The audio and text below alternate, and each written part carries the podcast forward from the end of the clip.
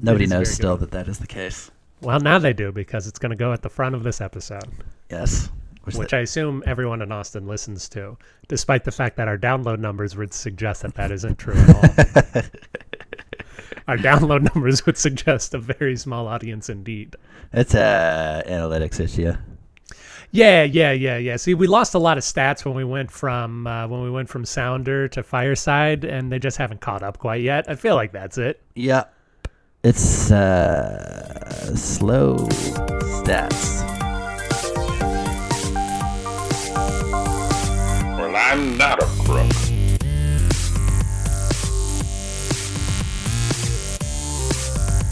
but because they are hard. Welcome to Presidential Deathmatch, the only presidential debates that matter. Today's headlines. I think I'll remember history today. Electoral votes for everyone, and millennials killed the snake oil salesman. Today on the program, we end up only discussing Victoria Woodhull, so enjoy that. Victoria Woodhull, polemicist or polygamist? Neither really makes sense. All that and more on today's Presidential Deathmatch.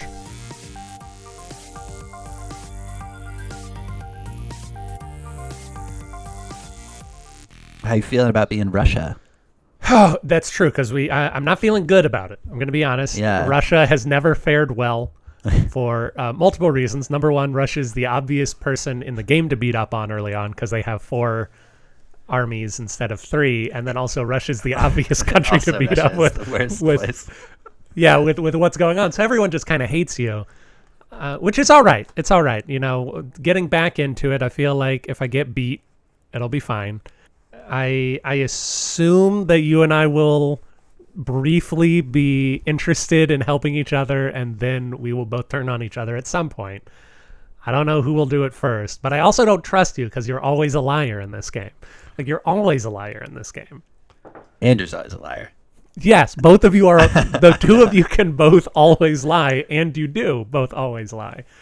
I just I, I think all I, I I would want is a truce right now because because Andrew and I are gonna he's I'm sure he's gonna betray me and this won't actually happen but at least my own plan is to try to take England as soon as possible so that Tyler can't control Spread. the seas. Yeah, yeah. England's England's good for that. I think that Craig and I have still never interacted in diplomacy. I think whatever the RNG is puts our armies on opposite sides of the map, and generally Craig dies before he and I get to each other. Is he uh, Italy?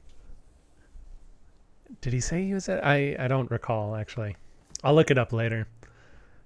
But the the two people that are the best to trust are Zach and Matt, who are the two people that I don't know personally, and I don't have their last names, and so they're in my phone as whatever the country they last were, so I can remember who they are. That's the that's the joke that Andrew always makes, and uh, and I found it to be confusing. Yeah, I guess Craig must be.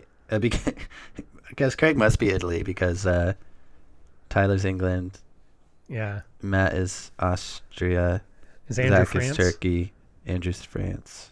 Yeah, it's gonna suck having to fight Matt early on. I really enjoy our alliances, but uh, just I I can't have an alliance with both Matt and Zach. Uh, yeah, Austria. Austria. There's no point allying with Austria. They're just gonna be toast anyway. Yeah, exactly. Welcome to Presidential Deathmatch, a podcast that will eventually just become a recap of the many games of diplomacy that we play. the once in future episode subject material. Yeah. From now on, Dennis is going to pick people who were rulers of Italy, mm-hmm. aka Benito Mussolini, and I will pick people who were rulers of Russia, like Catherine the Great, who everyone loves. And we'll just explore explore those ideas. I'm about to try and hold Sevastopol and take the Black Sea. I wonder what military lessons I can learn from Peter the Lesser. Dennis, we are continuing our methodical checking off of all of the remaining presidential candidates. And we are roughly looking at people in the Gilded Age right now. We we had five people left from uh, 1880 to about 1906, 1908, right? And we're gonna we're gonna take a look at those third parties. Uh, I think we should have basically the same format that we did last week, where we're we're gonna go. Uh, we'll just sort of talk about the history and then we'll drop our people in. I don't have nearly as detailed notes as I did last week, in that I have no notes for the history of America. I'm really just hoping that I remember it, and I think I will. well, there you go. Do, do you have anything to say before we get into it? I don't know. We'll see. I'm actually excited. So, number one, we're going to do Victoria Woodhull, Yeah. who is someone who has been a long time coming. Yes. We're going to get to her before the upcoming Brie Larson biopic. Oh, really? Yeah. Yeah, suck on that, Brie. I bet that's going to be great. Yeah. Victoria Woodhull's odd, though. I don't, I don't want to pre say anything that may or may not be in your your notes, but uh, she's a bit of a sore loser, isn't she? Maybe so. I don't know. What, what makes you say that? I, as I recall, she complained that she's like, oh, well, there were reports that people were throwing out ballots with my name on it in Pennsylvania. Therefore, you should give Pennsylvania to me, despite the fact that there was no evidence of that happening. And also, she was never going to win Pennsylvania or any state. Yeah. I'm surprised. I'm excited to talk towards the end of this episode about a man named Thomas Watson, who I did not know anything about before researching him. And I think he might be the saddest political story I've read. Oh my I- I gosh. think- yeah, I'm, I'm excited to do it because he's he's an interesting story for sure. It's definitely that's definitely saying a lot this many episodes into this. That's true. But I was like, oh my, oh my lord, this man, you poor soul. So Dennis, let us go to retractions. Retractions. Retractions. Retractions. Retractions. Retractions. Did you look up anything about the slave who stole the ship in Charleston? Yeah, Robert Smalls is his name. Uh, Smalls. Smalls. Smalls. Yeah. Yeah, I feel like I maybe brought it up before. He like is basically what I said last time. He there was a ship that was all slaves except for the captain and two other guys, and while the guys were in Charleston, he just like got with all the slaves and they just left. And then Hey, you want to go? and he knew how to look like captain from a distance and he knew everything about the ship because it was a lazy captain just had him doing everything so they just like literally just sailed into union waters and then put up a white flag when they got there and he like picked up his family along the way too Nice. so yeah So it's a both a happy story and a story where we can generally be okay with the fact that he stole a ship. Yeah I, I don't think anyone's going to get too upset about that private property trespassing. yeah yeah and then he ended up becoming he ended up in the U.S. House of Representatives for South Carolina Oh, Yeah, and like right after the Civil War, like before all the Reconstruction rollbacks and everything. Yeah, so it's definitely really interesting. Yeah, he was he was like a major politician right after, kind of after sort of becoming kind of famous from from that incident. very neat. And what about Willie P. Mangum and the Know Nothing Party? Yes, that um, what was I what was I gonna say about that? I don't know, but I'm excited to find out. Oh, well, one thing that was interesting about him was that we didn't get into because he was, I think I got into it just towards the end a little bit, but he was pretty like racist and stuff. Sure. uh, yeah, you you implied that. Yeah. And it was interesting because he was taught by a black man who had a school and then like he his that teacher was like I guess a pretty significant guy and and ended up being buried on Mangum's land which is Interesting. interesting So so sort of like the Hitlers spared that one Jewish doctor kind of thing. story. There's a story that I don't think we've ever told on the podcast, and I don't know the names of people off the top of my head, so I'm sorry for that. But there, in the years following the Civil War, there came a time when they were going to nominate or they were going to evaluate the first Supreme Court justice from the South or from the former Confederacy. And there were a lot of people. They this, there was a man who was nominated. I'm going to see if I can find him while I'm talking. And basically, people got all up in arms, and they say, "Listen, if you if you nominate this guy, he's from the South. He's going to roll back protections. We we don't want him." And so the guy got his uh, bro. He's like he's he's racist because he's from the South, and the guy got his brother, who was black, uh, to write a note to people saying, Uh, his, his brother was not only black, but his brother was the most prominent black thought leader in Ohio at the time. I think it's John Marshall Harlan. I'm going to look it up. And he said, Hey, he's not going to do anything like that. I know him. He's my brother. We grew up in the same house. He's going to be fine. and he, I believe he ended up being, yeah, he ended up being the um, main dissenting voice in Plessy versus Ferguson, which is the Supreme Court that established separate but equal. So he ended up being a, a very powerful ally for black Americans.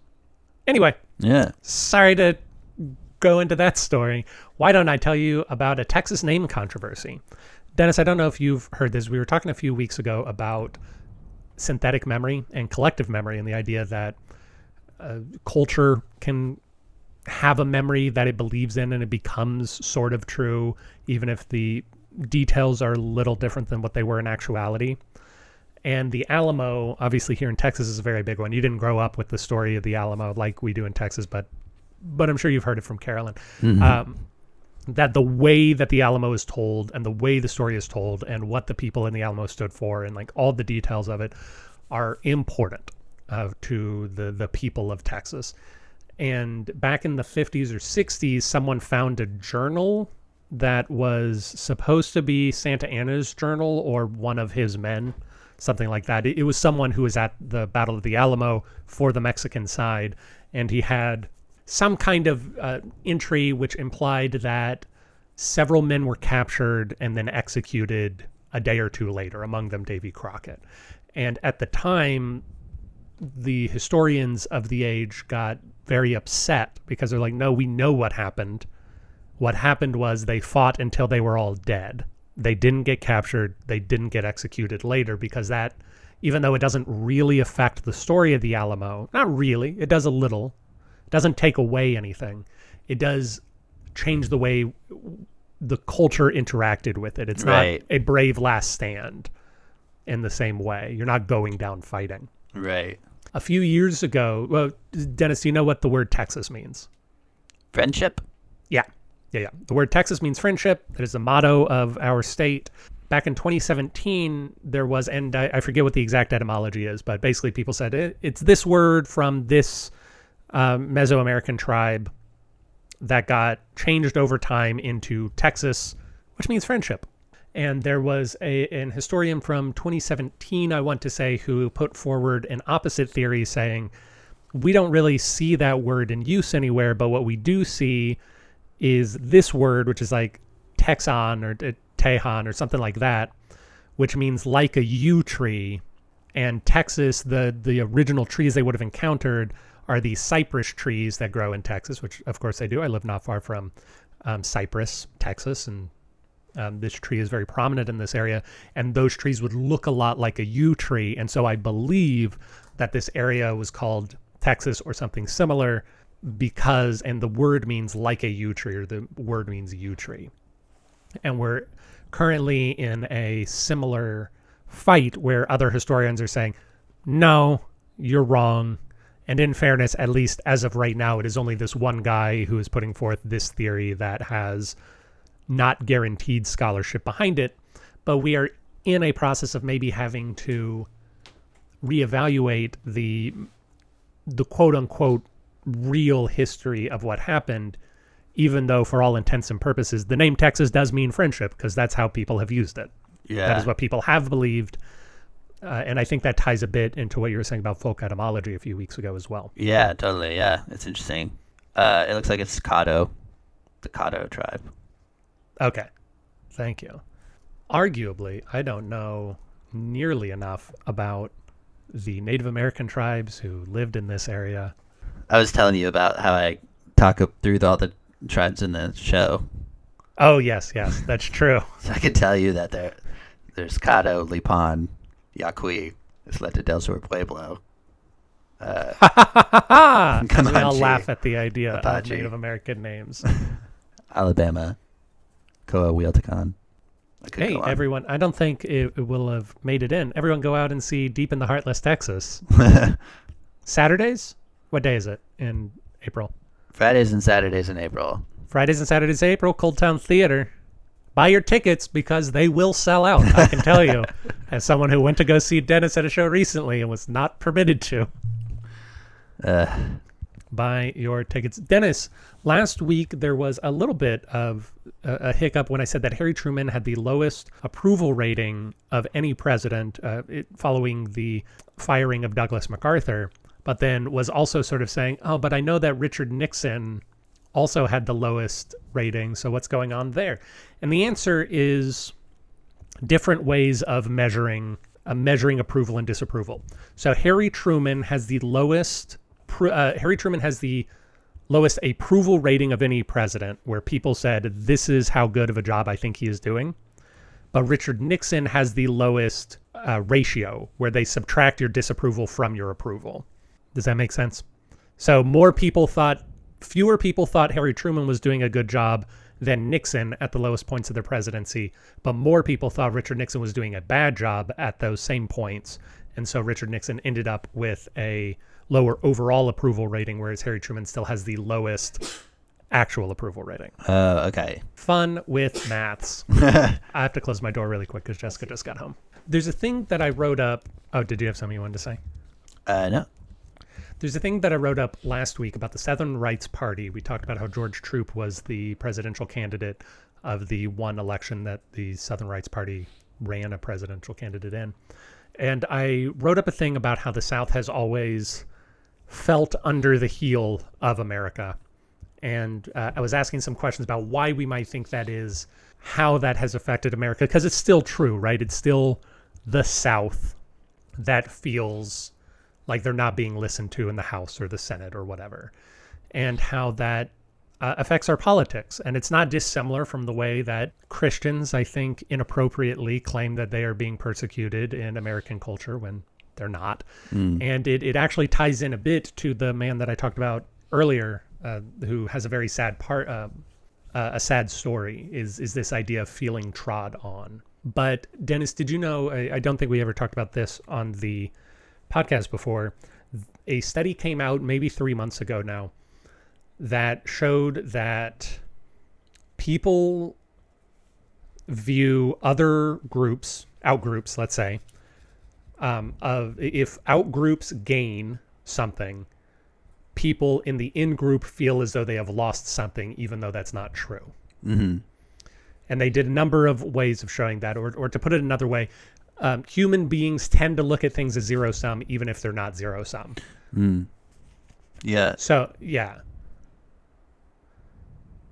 So the idea of like the the progressive, if the the people in America who hold progressive and or socialist ideas keeps growing, people might view that as a threat even if the overall approval of our current system isn't going down, which may or may not be true, but it's a way of potentially explaining things because uh, to tie it back to the South, the, the South has always been uh, quote unquote overrepresented because of the way that population is figured and because of the three fifths clause so be, being told that they're not represented politically is silly in a lot of ways. And as far as I'm aware, we've never had a Northern Rights Party, right? Yeah. Yeah, so certainly no one, I, I can't think of a time in American history when people were fighting to evoke uh, the North is being attacked and the North needs to to reestablish themselves. And it's just an odd quirk of of our system, and I don't know what's up with it. Yeah, I mean, well, it speaks to it being the like I feel like a Northern Rights Party would just be called a conservative party. It's about it'd be maintaining. Ah, well, that's uh, those are the beginning and ends of my thoughts on that particular matter. Uh, but let us leave retractions. I do think it's interesting. I, I guess to tack on what you say about like how it's always thought of as zero sum because it's interesting because I think a lot of debates that enter into that or that or at least like national perceived conversation around it is it's not it's less often arguing that it's not zero sum and more often arguing that it's deserved even if it is zero sum on one side or the other which like that's how it ends up feeling more like a battle. It's something that both sides are can you expand on that thought? Well uh, in some cases there is a cost i guess to change but like so like in some cases there is a little bit more of a zero sum thing, but I think it's a good point that a lot of the times it's not.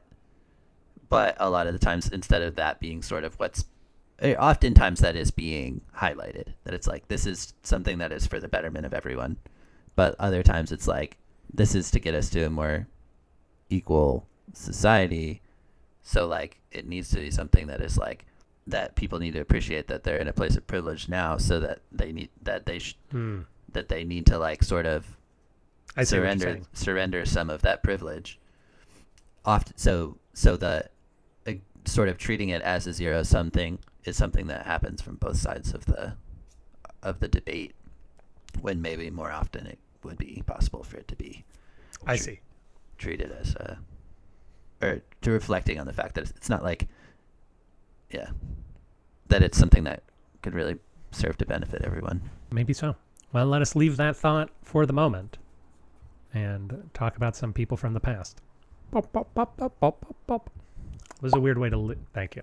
You said you rescued it.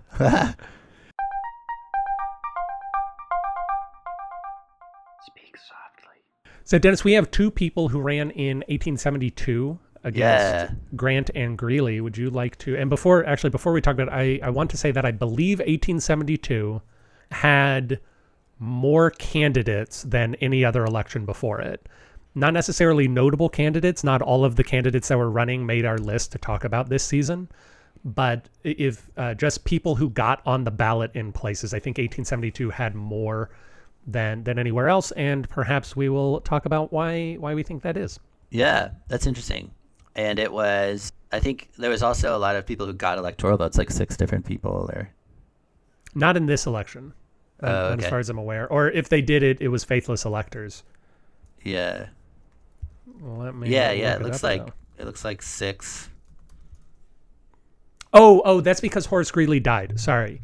So yes, it, this is a weird election in that one of the candidates died before the electoral college met, and so be because he was dead, and they didn't necessarily want to vote for a guy who was dead, especially since he lost.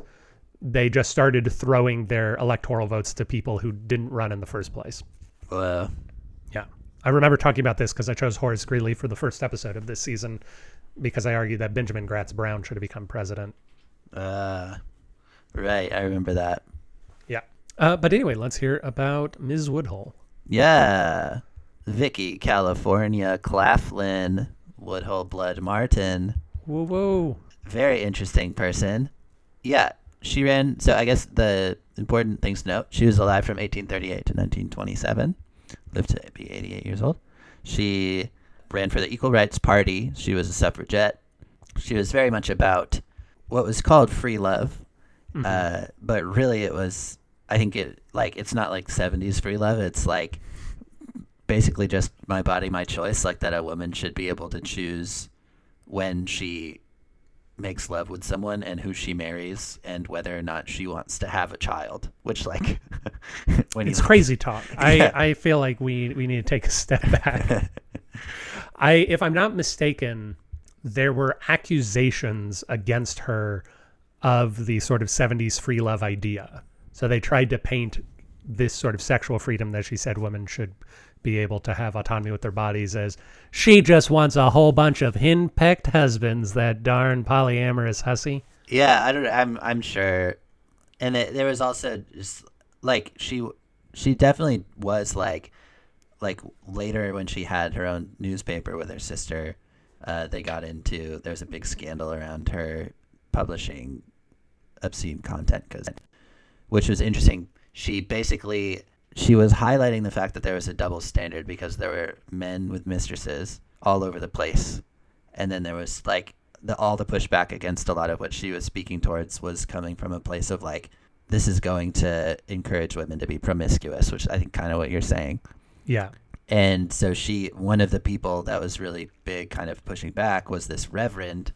So she but that reverend kind of famously henry ward beecher he famously had a mistress kind of everyone knew. So he she published in that paper like this story about him and his mistress and got into like a lot of detail about it. And it went out to lots of people and this was in the build up to her to the presidential election. So she was also being strategic because it got a lot of attention, um, and you know was very much fit into her cause. But she got like arrested over it being obscene, and was in jail for a month with her sister, and then there was six months of like her being under arrest, I guess, and then there was an eventual trial, and it led to it it led to the these acts being passed because who is this guy's name? I need to find it quickly. Um, Comstock. The Yeah. Com, so The under- Comstock laws. Yeah. yeah, under Grant, the Comstock laws were passed, and it was basically like, yeah, it was there were moral laws about not being able to publish obscene literature or things about abortion hmm and things like that. So that was basically in direct response to Victoria Woodhull. Oh, lucky her. She's Yeah. changing things. She's changing things. yeah. So is yeah. Um. Anyway, I don't know. I I thought going back to um the free love thing. I I thought you would enjoy this political cartoon that was on the Wikipedia page right. because it uh its intent is very amusing because of just like yeah. so it's it's this like it's her she's holding up this sign about like be saved by free love and then in the background is this woman and it's made to look exactly like a biblical drawing where she's the devil and the woman is jesus saying get thee behind me satan hmm and then it's just, literally the t- the subtitle is "Get thee behind me, Mrs. Satan," uh, and she's got like dragon wings. uh, and, but then the woman symbolically is burdened with babies and children hanging off of her, and a drunkard husband who's like weighing her down from the top, and Yeah. and so it's sort of this thing of like just like I know that as a woman like. the Th- this is my burden to bear. It's yeah, it literally is says. I'd rather travel the hardest path of matrimony than follow your footsteps because you're the devil. You and your, I can make decisions for myself. yeah. It, it's just funny because like I you get the idea of it, but like in today's context you're looking at it and you're like that like this Yeah. just is proving exactly what she's talking about, which is that like yeah, in in a modern context, there's just a complete misunderstanding of why anyone would would be on the political cartoonist side. Yeah, yeah. And like the only thing you'd have to do is take away the the devil horns and then you'd be like, "Oh, yeah." Yeah. Oh, someone's coming to help this poor poor woman who is overburdened by a drunk husband and a bunch of unwanted babies. Yeah, yeah, yeah. That was an interesting thing too. Is that there's a bunch of kind of stuff about her being pro-abortion or anti-abortion, rather very different. But it was sort of because she's coming back to that same thing of like what we want. She wants contraceptives. Yeah, or and and just like that, a woman should be able shouldn't end up in a situation where she has an unwanted child. Yeah, which like at the you know obviously it's not like a debate that you could just copy paste into 2023 but like it makes a lot of sense when you actually are looking at the at the details Yeah. but anyway yeah that, that kind of so she she's a really interesting person in her younger years she she was like came from like a really kind of like she like a poor ohio family basically exactly what that other woman in that drawing is Mhm. she her father was a snake oil salesman and her mother like a literal snake oil Little salesman snake oil salesman. Uh huh. and her mother was uh like really was a follower of an Austrian mystic because this was the rise of the spiritualist movement Yep. coming from Europe which Americans got so into that they got evicted from the movement by Europe Yeah. which is yeah, fun the spiritual. So, um, part of reading this is a, a quick tangent. I've read a lot about magic history, the history of performance magic, like Penn and Teller magicians. mm-hmm. And there's such an explosion of magic in the late 1800s, early 1900s because of the spiritualist movement. You had so many of these spiritualists who were devising ways to trick people into believing that spirits were doing things. That once they were found out, magicians had so many more tools to play with Uh-huh. and things to do. And so you have all of these books. Like I've got a book just uh, just out of my reach. I can't grab it called 13 Steps to Mentalism, which was originally published in 1917 or so. Oh, and cool. it talks a lot about like here's what spiritualists do to Im imitate spirit writing, and I'm going to teach you how to do it. Oh, interesting. But yes, spiritualism was very big in America. I guess that's what we're seeing in like the Wizard of Oz, right? It's like he, Yeah. he's like the real version of the wizard is a traveling fortune teller. Kind yeah, of thing. exactly. All of that that we're thinking of is so that was her too. Like so she she when she was she she had three years of schooling when at by the time she was eleven, so Mm-hmm. not going to school consistently, and her dad at this point all of his money runs out because being a snake oil salesman is tough work. Surprisingly. So and he was they had a grist mill that he wasn't taking care of, so it was rotting. Um, and he, uh, I think, was also a drunk, possibly. So he he like gets a bunch of insurance on the grist mill and lights it up. Immediately gets caught for arson, and gets run out of town by like a group of vigilantes in town. So clearly he was like a notoriously hated person in this town. and then the town raised money for the mom to go off on her own with the, the family, and it so and then a few years down the line when Vic- Victoria is 14 she's sick she goes to the doctor the doctor decides he's going to take her as his wife Yeah, very normal thing that happened back then. yeah so she was 15 years old when she got married and had two kids and then he was an abusive alcoholic so she left she divorced him and It's that's also a very normal thing to have happen back then. yeah. So this is kind of where her whole ideology comes from because she is making her own money with two kids like at the age of 17. Yeah.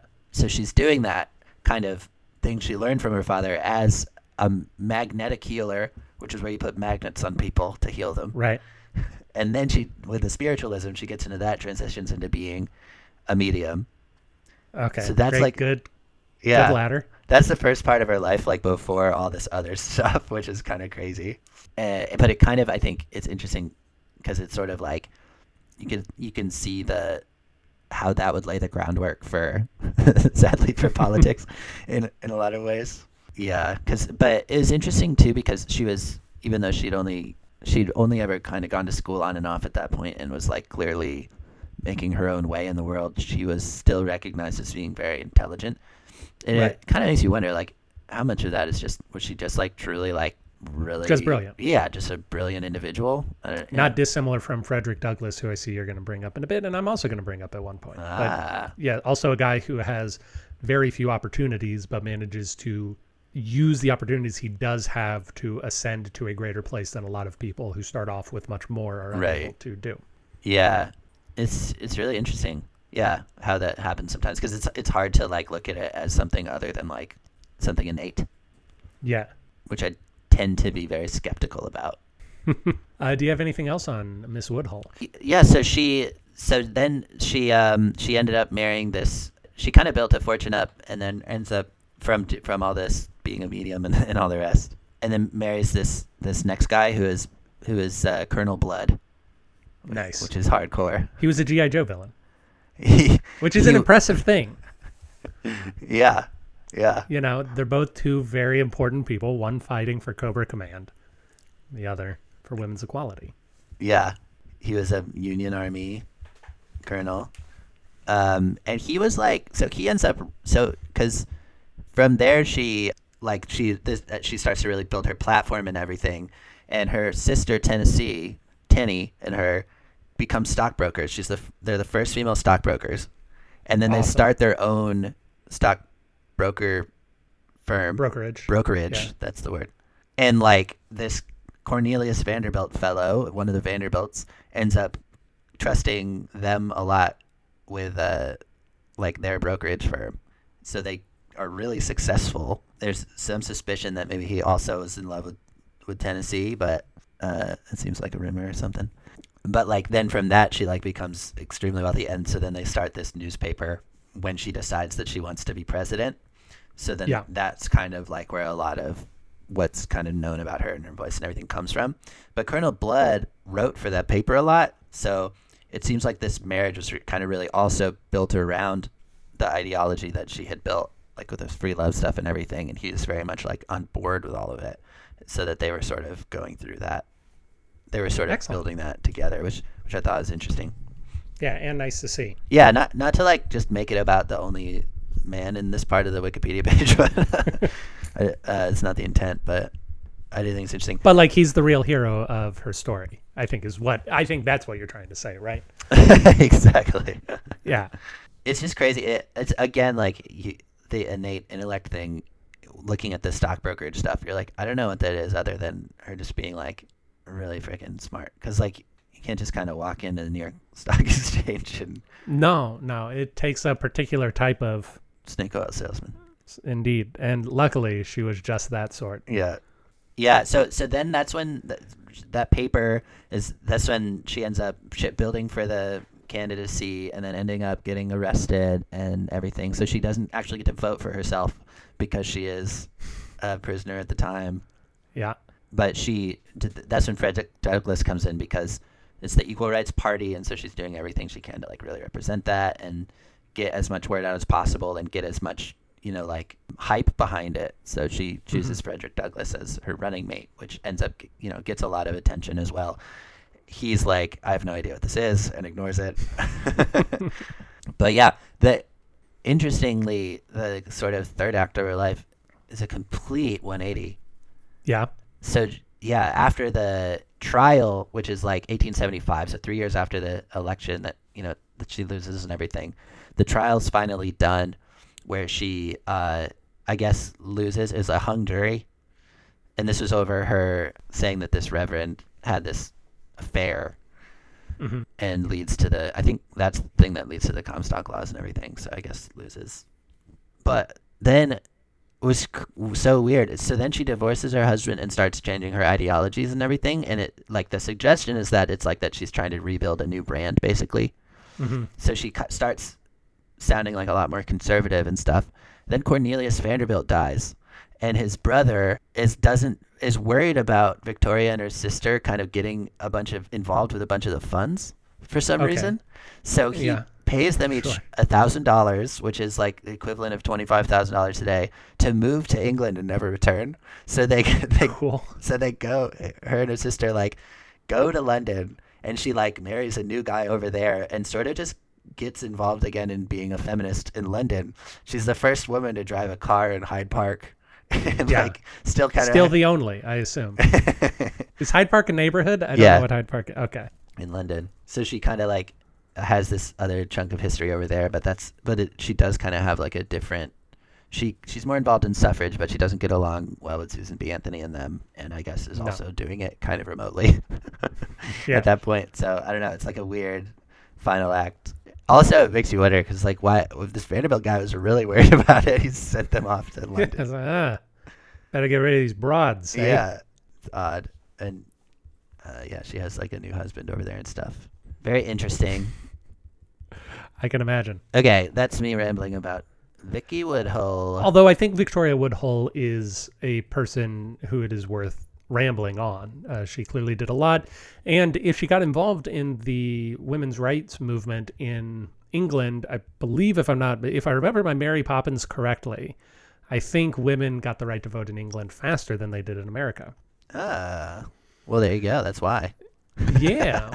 One other thing that you didn't mention, but uh, based on I, uh, we've been talking for just under an hour, so I feel like w- we might end the episode here and then pick up the next episode with the other people. Just have a Victoria, uh, Vicky, Vicky Blood episode, as they Vicky call her. Blood. Uh, but she was also not eligible to be president, correct? Right. She was she was 34, Yeah. and you have to be 35. I got a, and this was almost a year ago, a really nice book on uh, ridiculed presidential candidates. I forget what the book was titled, but the idea was people who they may have been serious, they may have not been serious, but the culture did not treat them seriously when they were running for president. And the chapter on Victoria Woodhull was particularly interesting because she was being counterpointed. That was the same election, I believe, where a black man was running for president on his own, not Frederick Douglass, it was another fellow a more more extreme fellow, um, and the the book really draw drew attention to the two of them who. One of them was a black man saying, "Hey, I deserve respect and equal rights," and one of them was Victoria Woodhull, who said, "Hey, women deserve respect and equal rights," and the culture just mocked them ruthlessly in newspapers, saying, "Oh, look at these fun kids trying to wear daddy's pants," Yeah. as newspapers frequently say that phrase. So Dennis, let's uh, let's say goodbye. All right. Uh, bye, everybody. Join us again next week for a discussion of our other four men. Well, the first four men, actually, that we will be talking about Gilded Age uh, losers.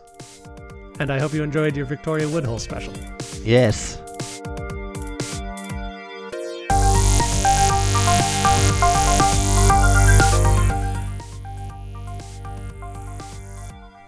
Thank you for listening to Presidential Deathmatch. Presidential Deathmatch is hosted by Aaron Garrett and Dennis Buddy and edited by Aaron Garrett. If you like the show, please consider giving us a review wherever it is. You can do that, we'd really appreciate it. If you didn't like listening to the show, well, why don't you come on back and give us another try? We really grow on you. If you want to reach out to us, you can do that at contact at pronoiatheater.com. You can also support the show in a variety of ways, including at pronoiatheater.com slash store. We hope you enjoyed it, and we hope to hear from you soon.